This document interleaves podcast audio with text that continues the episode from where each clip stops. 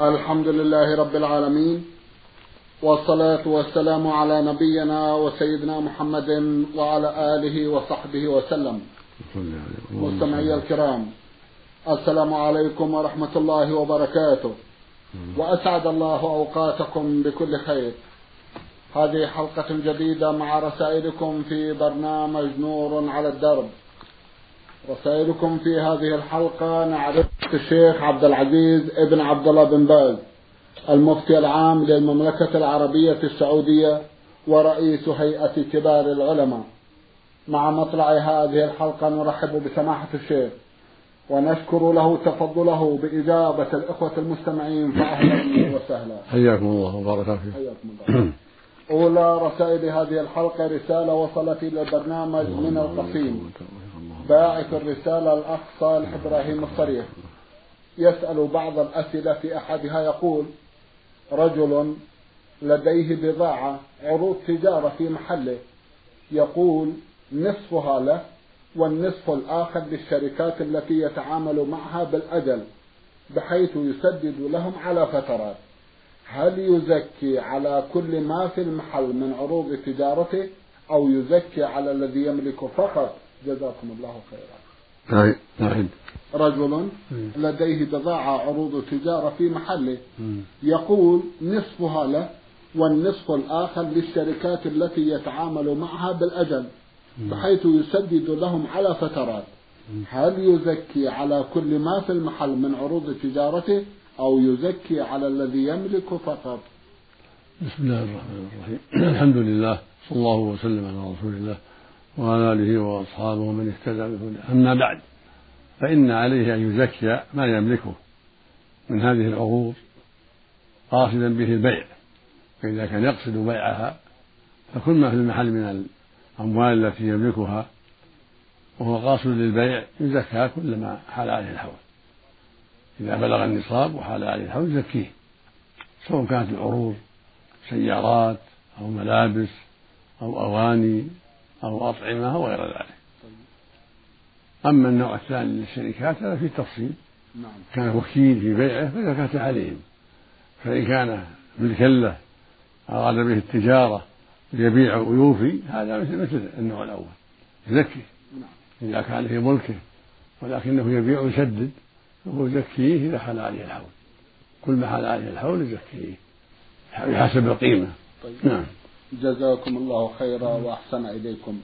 بالنسبة لرجل لديه تجارة وعليه ديون هل يسدد الزكاة أم يسدد الديون التي عليه من زكاته؟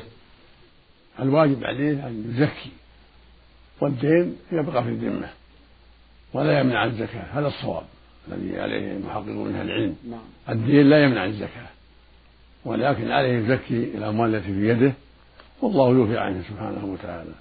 لكن لو أراد أن يسدد الدين فلا مانع يخرج الدين قبل وجوب الزكاة قبل ميعاد الزكاة.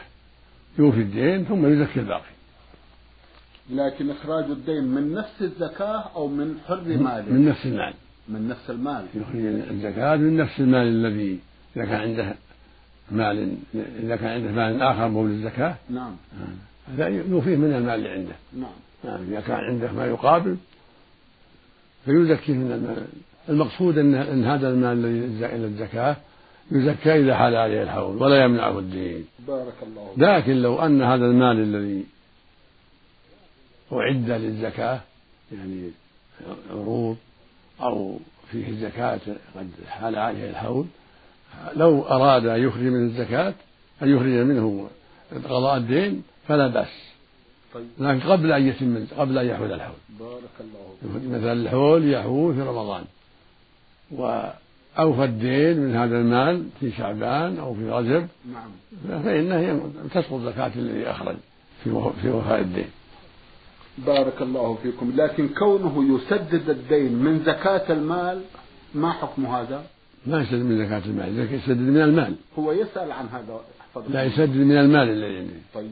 أما الزكاة يعطيها المستحقين. لها طيب. إنما التسديد من المال نفسه للغرماء.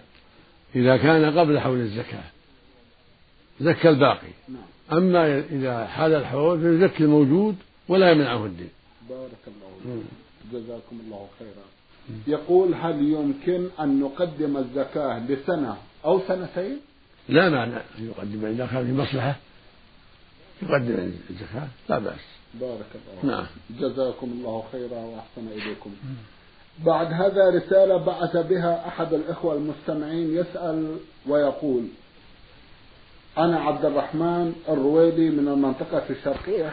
أسأل سماحتكم عن المقصود من حديث الرسول صلى الله عليه وسلم الذي يقول فيه يدخل الملك على النطفة بعدما تستقر في الرحم بأربعين أو خمسة وأربعين ليلة فيقول يا ربي أشقي أو سعيد؟ أي ربي ذكر أو أنثى؟ فيكتبان ويكتب عمله وأثره وأجله ورزقه ثم تطوى الصحف فلا يزاد فيها ولا ينقص. أرجو توضيح ما المقصود من شقي أو سعيد؟ هل ذلكم في الآخرة أم في الدنيا؟ هذا الحديث ثابت في صحيح مسلم من حديث حذيفة بن أسيد الغفاري. وقد ذكر بعض أهل العلم أن هذا يقع في بعض الأجنة والعمدة على حديث مسعود أن الكتابة تكون في أول الشهر في أول الطور الخامس الثاء الرابع. إذا مضى عليه ثلاثة أطوار أربعة ثلاثة أطوار أربعون وأربعون وأربعون يعني أربعة أشهر. أتاه الملك فقال يا ربي ما الرزق ما الأجل؟ أشقي أم سعيد؟ يكتب كل ذلك بعد مضي الأطوار الثلاثة. يعني في أول الشهر الخامس. هذا هو المحفوظ في الصحيحين من حديث مسعود رضي الله عنه. أما ما جاء في حديث حذيفة بن أسيد الغفاري بأن هذا يقع بعد مضي أربعين أو خمسة وأربعين ليلة فهذا لعله في بعض الأجنة. جمعا بين الرواية بين الحديثين. نعم نعم. لعل هذا يكون في بعض الأجنة بالنسبة إلى الجمع بين الحديثين وأنه يكتب بعض الأجنة في في حين يمضي له أربعون أو خمسة وأربعون ليلة. ولا يتناقض ولا يتعارض مع حديث مسعود. طيب. جزاكم الله خيرا. قضية يسأل عنها لو تكرمتم سماحة الشيخ يقول ما المقصود من شقي أو سعيد؟ هل هو في الآخرة أو في الدنيا؟ هو شقي في الدنيا أو سعيد في الدنيا؟ بالنسبة إلى الآخرة. هي شقي يعني في الآخرة هو في حال الدنيا شقاوته في الآخرة تكون في الدنيا. إذا كان شقيا في الدنيا. عمل بعمل الأشقياء نعم. صار شقيا في الآخرة. وإذا كان سعيدا في الدنيا عمل بطاعة الله صار سعيدا في الآخرة. لأن الآخرة مبنية على الدنيا. كأن الدنيا مزرعة للآخرة. نعم نعم. بارك الله فيكم. ما المقصود بهذه الشقاوة سماحة الشيخ؟ الشقاوة أنه من أهل النار يعني. نسأل الله. إن أعماله كلها تضره وأنه هو من أهل النار ليس من أهل الجنة. والسعيد الذي يوفق لأعمال أهل الجنة الصالحات. جعلنا الله. وجعلنا وإياكم من السعداء اللهم آمين. جزاكم الله خيرا وأحسن إليكم. له سؤال آخر لو تكرمتم سماحة الشيخ يقول من المعروف أن كفارة اليمين بعد الصوم إطعام عشر مساكين. كم نعطي لكل مسكين من المال؟ جزاكم الله عنا خيرا. يعطى كل مسكين على الراجح نص صاع كيلو نص صاع. من قوت البلد يعني للخمسة خمسة أصواع للعشرة خمسة أصواع. لكل واحد نصف الصاع صاع النبي عليه الصلاة والسلام.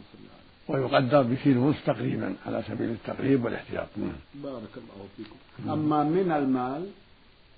لا الكفارة من الطعام أو كسوة. بارك الله فيكم. إما طعام وإلا كسوة أو عتق. فإن عجز صام ثلاثة أيام. طيب. هذه كفارة اليمين بارك الله فيكم. أما المال فلا. النقود لا. بارك الله فيكم وأحسن إليكم. بعد هذا رسالة بعث بها مستمع يقول أبو لافي عين عين. له جمع من الأسئلة. في أحدها يقول ما حكم الصلاة على السجادة المعتاد الصلاة عليها والمرسوم عليها بعض المساجد؟ إذ أني سمعت أن الصلاة عليها لا تجوز. وجهنا جزاكم الله خيرا. الصلاة على السجادة صحيحة ولو كان عليها رسم المسجد أو أي رسم الصلاة صحيحة لكن يشرع للمصلي أن تكون سجادته بعيدة عن النقوش ليس فيها رسوم لا مسجد ولا غيره حتى لا تشوش عليه صلاته. تكون السجادة ساذجة ساذجة ليس فيها شيء. هذا هو الذي ينبغي هذا هو الأحوط للمؤمن. ولهذا لما صلى النبي صلى الله عليه وسلم في خميصة لها أعلام بعدما سلم بعث بها إلى أبي جهم وقال إن أعلامها شغلتني عن صلاتي فالمقصود أن المؤمن يتحرى في صلاته الملابس السليمة من من شغله والسجادة السليمة. تكون بعيدة عن الإلهاء والإشغال. ليس فيها من النقوش ما يشغله. نعم. جزاكم الله خيرا وأحسن إليكم. يقول إذا جاء رجل في أثناء الصلاة متاخرا عن بعضها وبعدما سلم الإمام لانتهاء الصلاة وقف المتأخر لإكمال الباقي عليه ولكنه قام مستعجلا. وقبل انتهاء الإمام من التسليمة الثانية بل قام بعد التسليمة الأولى وهذا يتكرر من بعض الناس هداهم الله فما الحكم في ذلك؟ إذا قام يقضي قبل السلام التسليمة الثانية فقد أخطأ. لأن الصواب أن التسليمة الثانية لا بد منها ذهب جمهور أهل العلم إلى أن التسليمة الأولى تكفي ولكن الأحاديث الصحيحة تدل على أنه لا بد من التسليمة الثانية فإذا قام قبل أن يسلم الإمام التسليمة الثانية فقد ترك أمرا مفترضا وهو الجلوس حتى يسلم إمامه. فالذي ينبغي أن يقضي الصلاة أن يعيد الصلاة؟ خروجا من الخلاف واحتياطا لدينه. بارك الله فيكم باعتباره ترك كما ترك ترك واجبا عليه وهو الجلوس حتى نعم. يسلم إمامه. قام قبل أن يسلم أمامه من صلاته. بارك الله فيكم ومن ترك واجبا فما الحكم سماحة الشيخ؟ نعم. من ترك واجبا كهذا الواجب؟ التعمد يبطل الصلاة لكن هذا عنده جهل. عنده جهل. نعم. أو نسيان. نعم. لعل يعني وفعل لكن الأحوط له يعيد الصلاة. يعيد الصلاة. من باب الخروج من الخلاف. يعيد الصلاة كاملة. نعم. إذا لم يكن إلا بعد ما طال الفصل.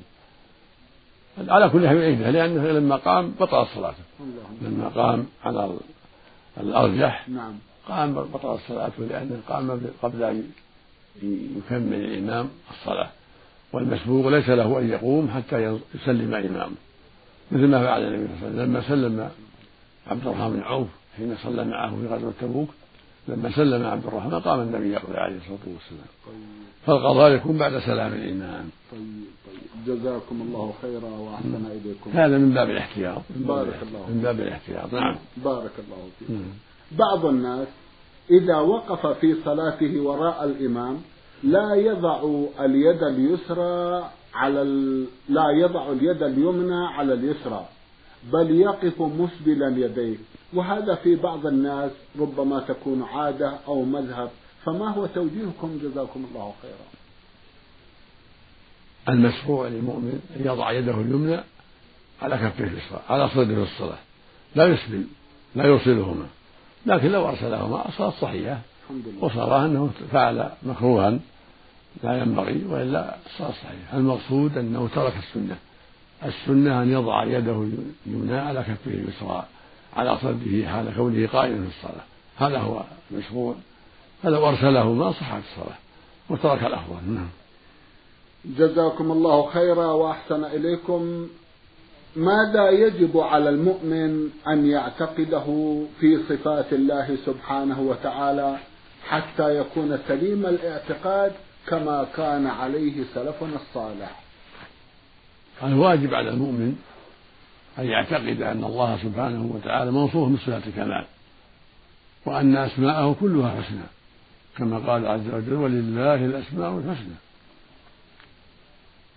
وهكذا يعتقد أنها كاملة وأنه لا شبيه له ولا مثيل له ولا نقص فيها بوجه من الوجوه. لقوله سبحانه ولم يكن له كفوا أحد. ليس كمثله شيء وهو السميع البصير. هل تعلم له سميا فلا تجعل الله أندادا.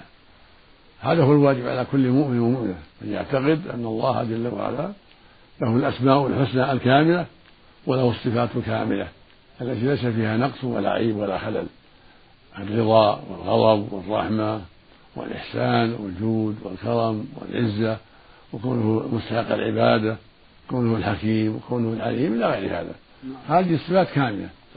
يوصف بها على أنها كاملة من كل الوجوه ويسمى بها أنه عليم حكيم قدير على ما سمى به نفسه سبحانه وتعالى.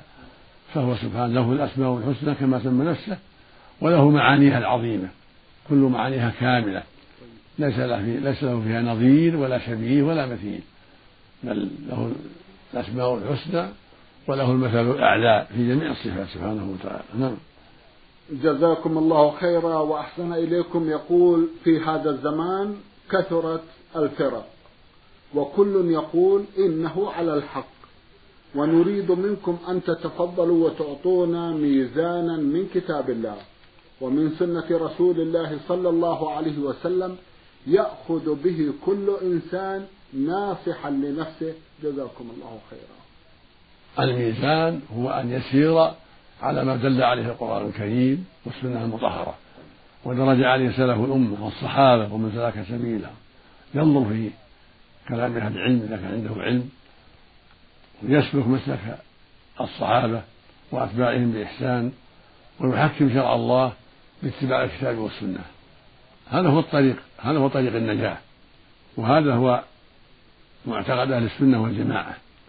السير على ما سار عليه النبي صلى الله عليه وسلم وسار عليه أصحابه رضي الله عنهم والعمل بكتاب الله وسنة الرسول عليه الصلاة والسلام والاستقامة على ذلك قولا وعملا وعقيدة وإذا كان عنده جهل يسأل أهل العلم إذا كان عنده ما عنده علم يسأل أهل العلم الذين في زمانه يسأل عنهم يعني يتحرى أهل العلم أهل البصيرة أهل السنة والجماعة المعروف بالخير يسألهم عما أشكل عليه. هذا هو طريق النجاة. أن يستقيم على كتاب الله وسنة الرسول صلى الله عليه وسلم قولا وعملا. قال جل وعلا في كتابه العظيم وأن هذا صراطي مستقيما فاتبعوه. قال تعالى اهدنا الصراط المستقيم. قال تعالى فإن تنازعتم في شيء فردوه إلى الله والرسول. قال جل وعلا وما اختلفتم فيه شيء فحكمه إلى الله.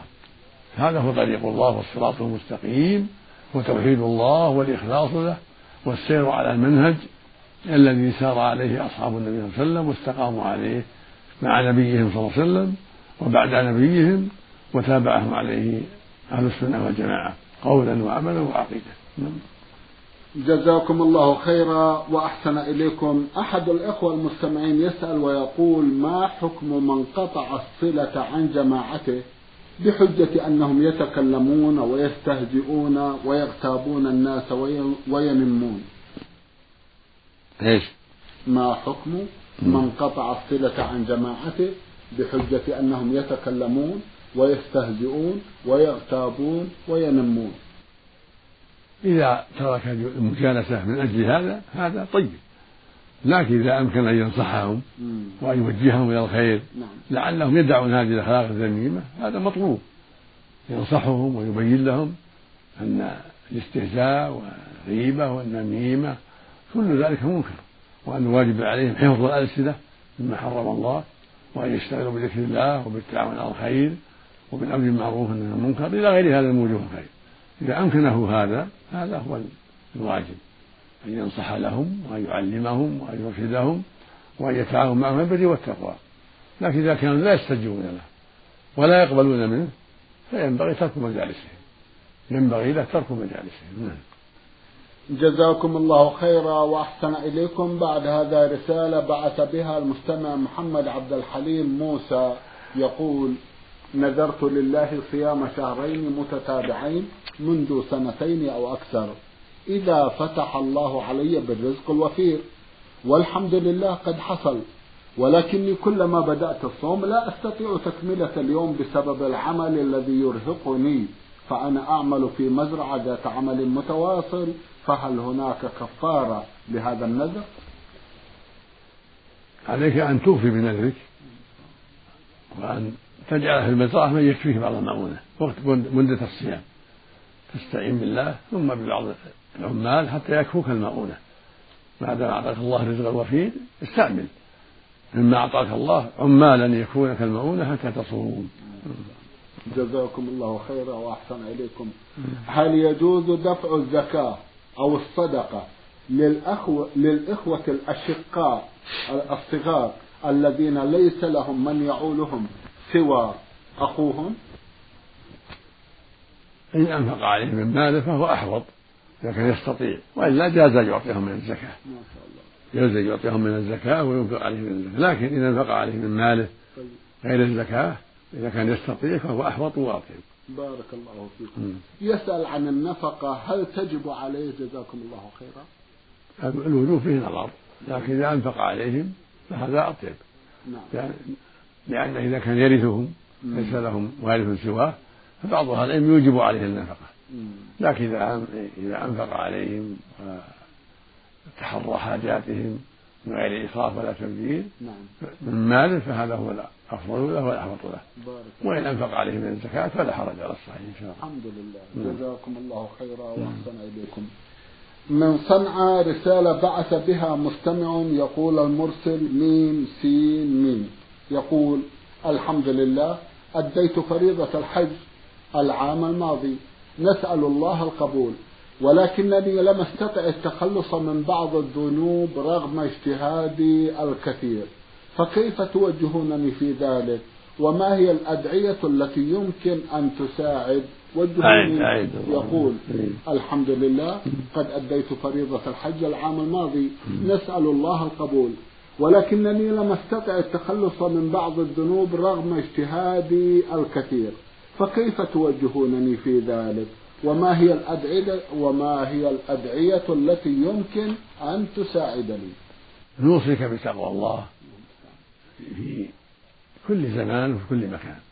عليك أن تتقي الله وتراقب الله حتى تحذر معصيته لأنه سبحانه يراك ويشاهدك وهو جل وعلا أمرك بطاعته ونهاك عن معصيته. فالواجب عليك أن تذكر عظمته وأنه يشاهدك وأنه يراك أينما كنت فتدع ما حرم الله عليك وتجتهد في فعل ما أوجب الله عليك وتسربك التوفيق. وتقول اللهم أعني اللهم وفقني اللهم يسر أمري اللهم أعني على ذكرك وشكرك وحسن عبادك اللهم أصلح قلبي وعملي تسأل ربك. تضرع إليه أن يهدك صراطه مستقيم وأن يعينك على ذكره وشكره وأن يمنحك التوفيق حتى تؤدي ما أوجب عليك وحتى تدع ما حرم الله عليك. نعم. جزاكم الله خيرا وأحسن إليكم. يقول أخي الصغير طالب في الجامعة وقبل عامين تقدم أحد الأشخاص يخطب أختنا لكننا رفضنا هذا الخاطب لأن فيه بعض الصفات التي لا نرضاها إلا أن والدنا أصر على تزويجه. وحينئذ أخي غضب غضبا شديدا من هذا الموضوع وجافى والدي فبماذا تنصحونه؟ لأنني أخشى عليه. جزاكم الله خيرا. أنصح أخاك أن يرضي والده وأن يستسمحه وأن يدع هذا هذا هذا الجفاء مع المناصحة. إذا أمكنت المناصحة في عدم تزويج الشخص فالمقصود أن عليه الصلاة مع والده والكلام الطيب مع الوالد والحذر من الجفاء وسوء الأسلوب لأن بر الوالد من أهم المهمات ومن أعظم الواجبات. فإذا خالفه والده في مسألة من المسائل فلا يجوز له أن يهجره ولا يخشن القول له ولا أن يتكلم معه بما لا ينبغي بل يجب أن يكون متأدبا مع والده فلا يقول له أف ولا ينهره بل عليه أن يتكلم بكلام الطيب ويتحرى الأسلوب الحسن مع النصيحة التي يراها. جزاكم الله خيرا وأحسن إليكم. إذا أذنتم لنا شيخ عبد العزيز متى يرد الخاطب؟ هذا فيه تفصيل. إن كانت مسلمة وهو ليس بمسلم هذا يجب رده ما يقبل. طيب.